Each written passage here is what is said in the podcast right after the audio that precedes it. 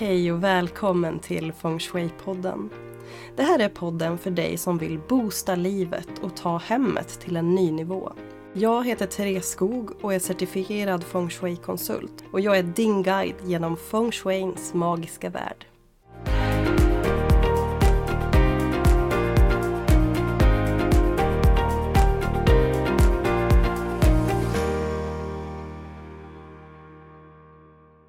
Hej fina du och varmt välkommen till Feng Shui-podden. Sen jag startade den här Feng Shui-podden så har det varit väldigt viktigt för mig att involvera dig som lyssnar. Så gott som dagligen så får jag både frågor och tips på sånt som jag kan prata om här. Plus att jag då och då brukar efterfråga era önskemål när det gäller ämnen som jag kan ta upp här i podden. Och jag älskar att ha den dialogen med dig som lyssnar och jag blir lika glad varje gång när någon taggar mig i en story eller när någon skriver till mig och kommenterar. Och tack för alla fina ord som jag har fått efter min medverkan i Kristin Kaspersens podd Nyfiken på. Jag blev inbjuden dit som gäst för att prata om hur feng shui har hjälpt mig igenom en av mitt livs hittills största kriser. Så lyssna gärna på det avsnittet och som sagt, hör gärna av dig och berätta vad du tyckte.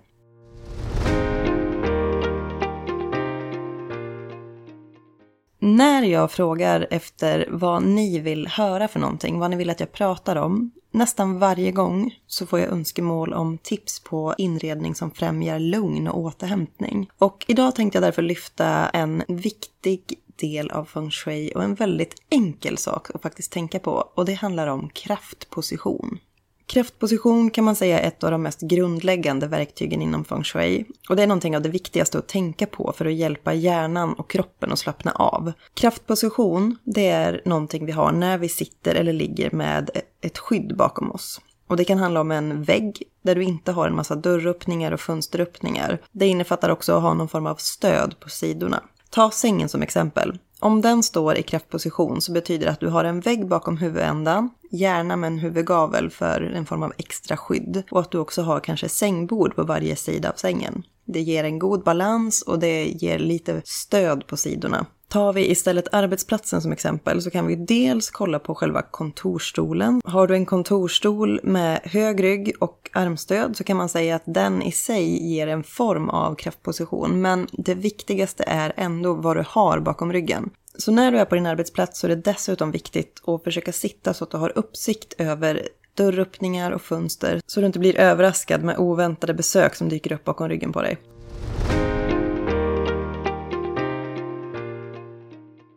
Varför är kraftposition så himla bra då kanske du tänker nu? Grejen med kraftposition är att det hjälper våran hjärna att slappna av. Om du tänker tillbaks på vårt ursprung. Vi levde ju från början ute i naturen. Vi hade inte de här stabila husen gjorda av tegel och betong och trä som skydd. Utan vi var ju mer eller mindre tvungna att vila på platser där vi kunde lita på att så få överraskningar som möjligt kunde skada eller kanske till och med döda oss. Så för att optimera vilan för hjärnan och kroppen så vill vi minska risken för obehagliga överraskningar.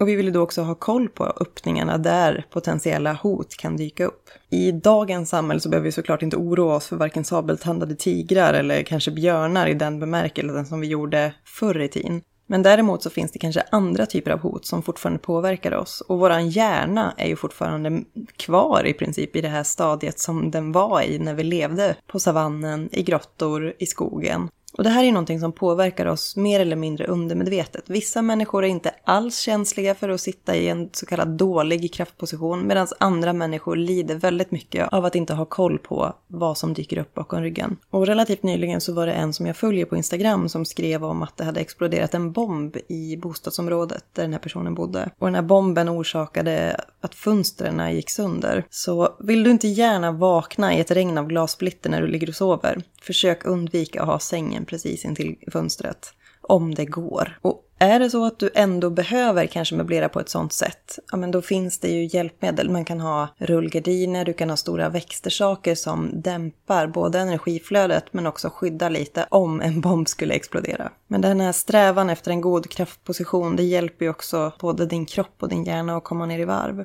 För även om det är ganska generellt liten risk att något sånt där händer, så är det så att din hjärna är lite mer på hugget när du inte är helt avslappnad. Och om du inte sitter sitter i eller sover i en god kraftposition så kan det ha negativa effekter som trötthet eller huvudvärk, spänningar i kroppen. Kanske att du inte kommer ner riktigt i djupvila på grund av att du är, din hjärna är lite på spänn helt enkelt. Så ta dig en liten funderare. Vilken plats väljer du helst? I soffan eller vid matbordet? Hur sitter du när du är på jobbet om du har ett kontorsjobb? Eller när du kliver in på möten? Vilken plats i rummet väljer du? Är det platser där du känner dig trygg, kanske i ett hörn så att du har uppsikt? Eller vill du helst sitta längst fram och bry dig inte så mycket om vad du har bakom ryggen?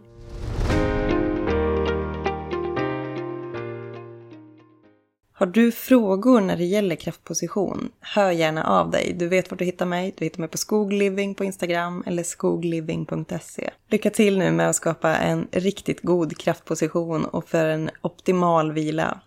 Tack för att du har lyssnat. Vi hörs igen. Hej då!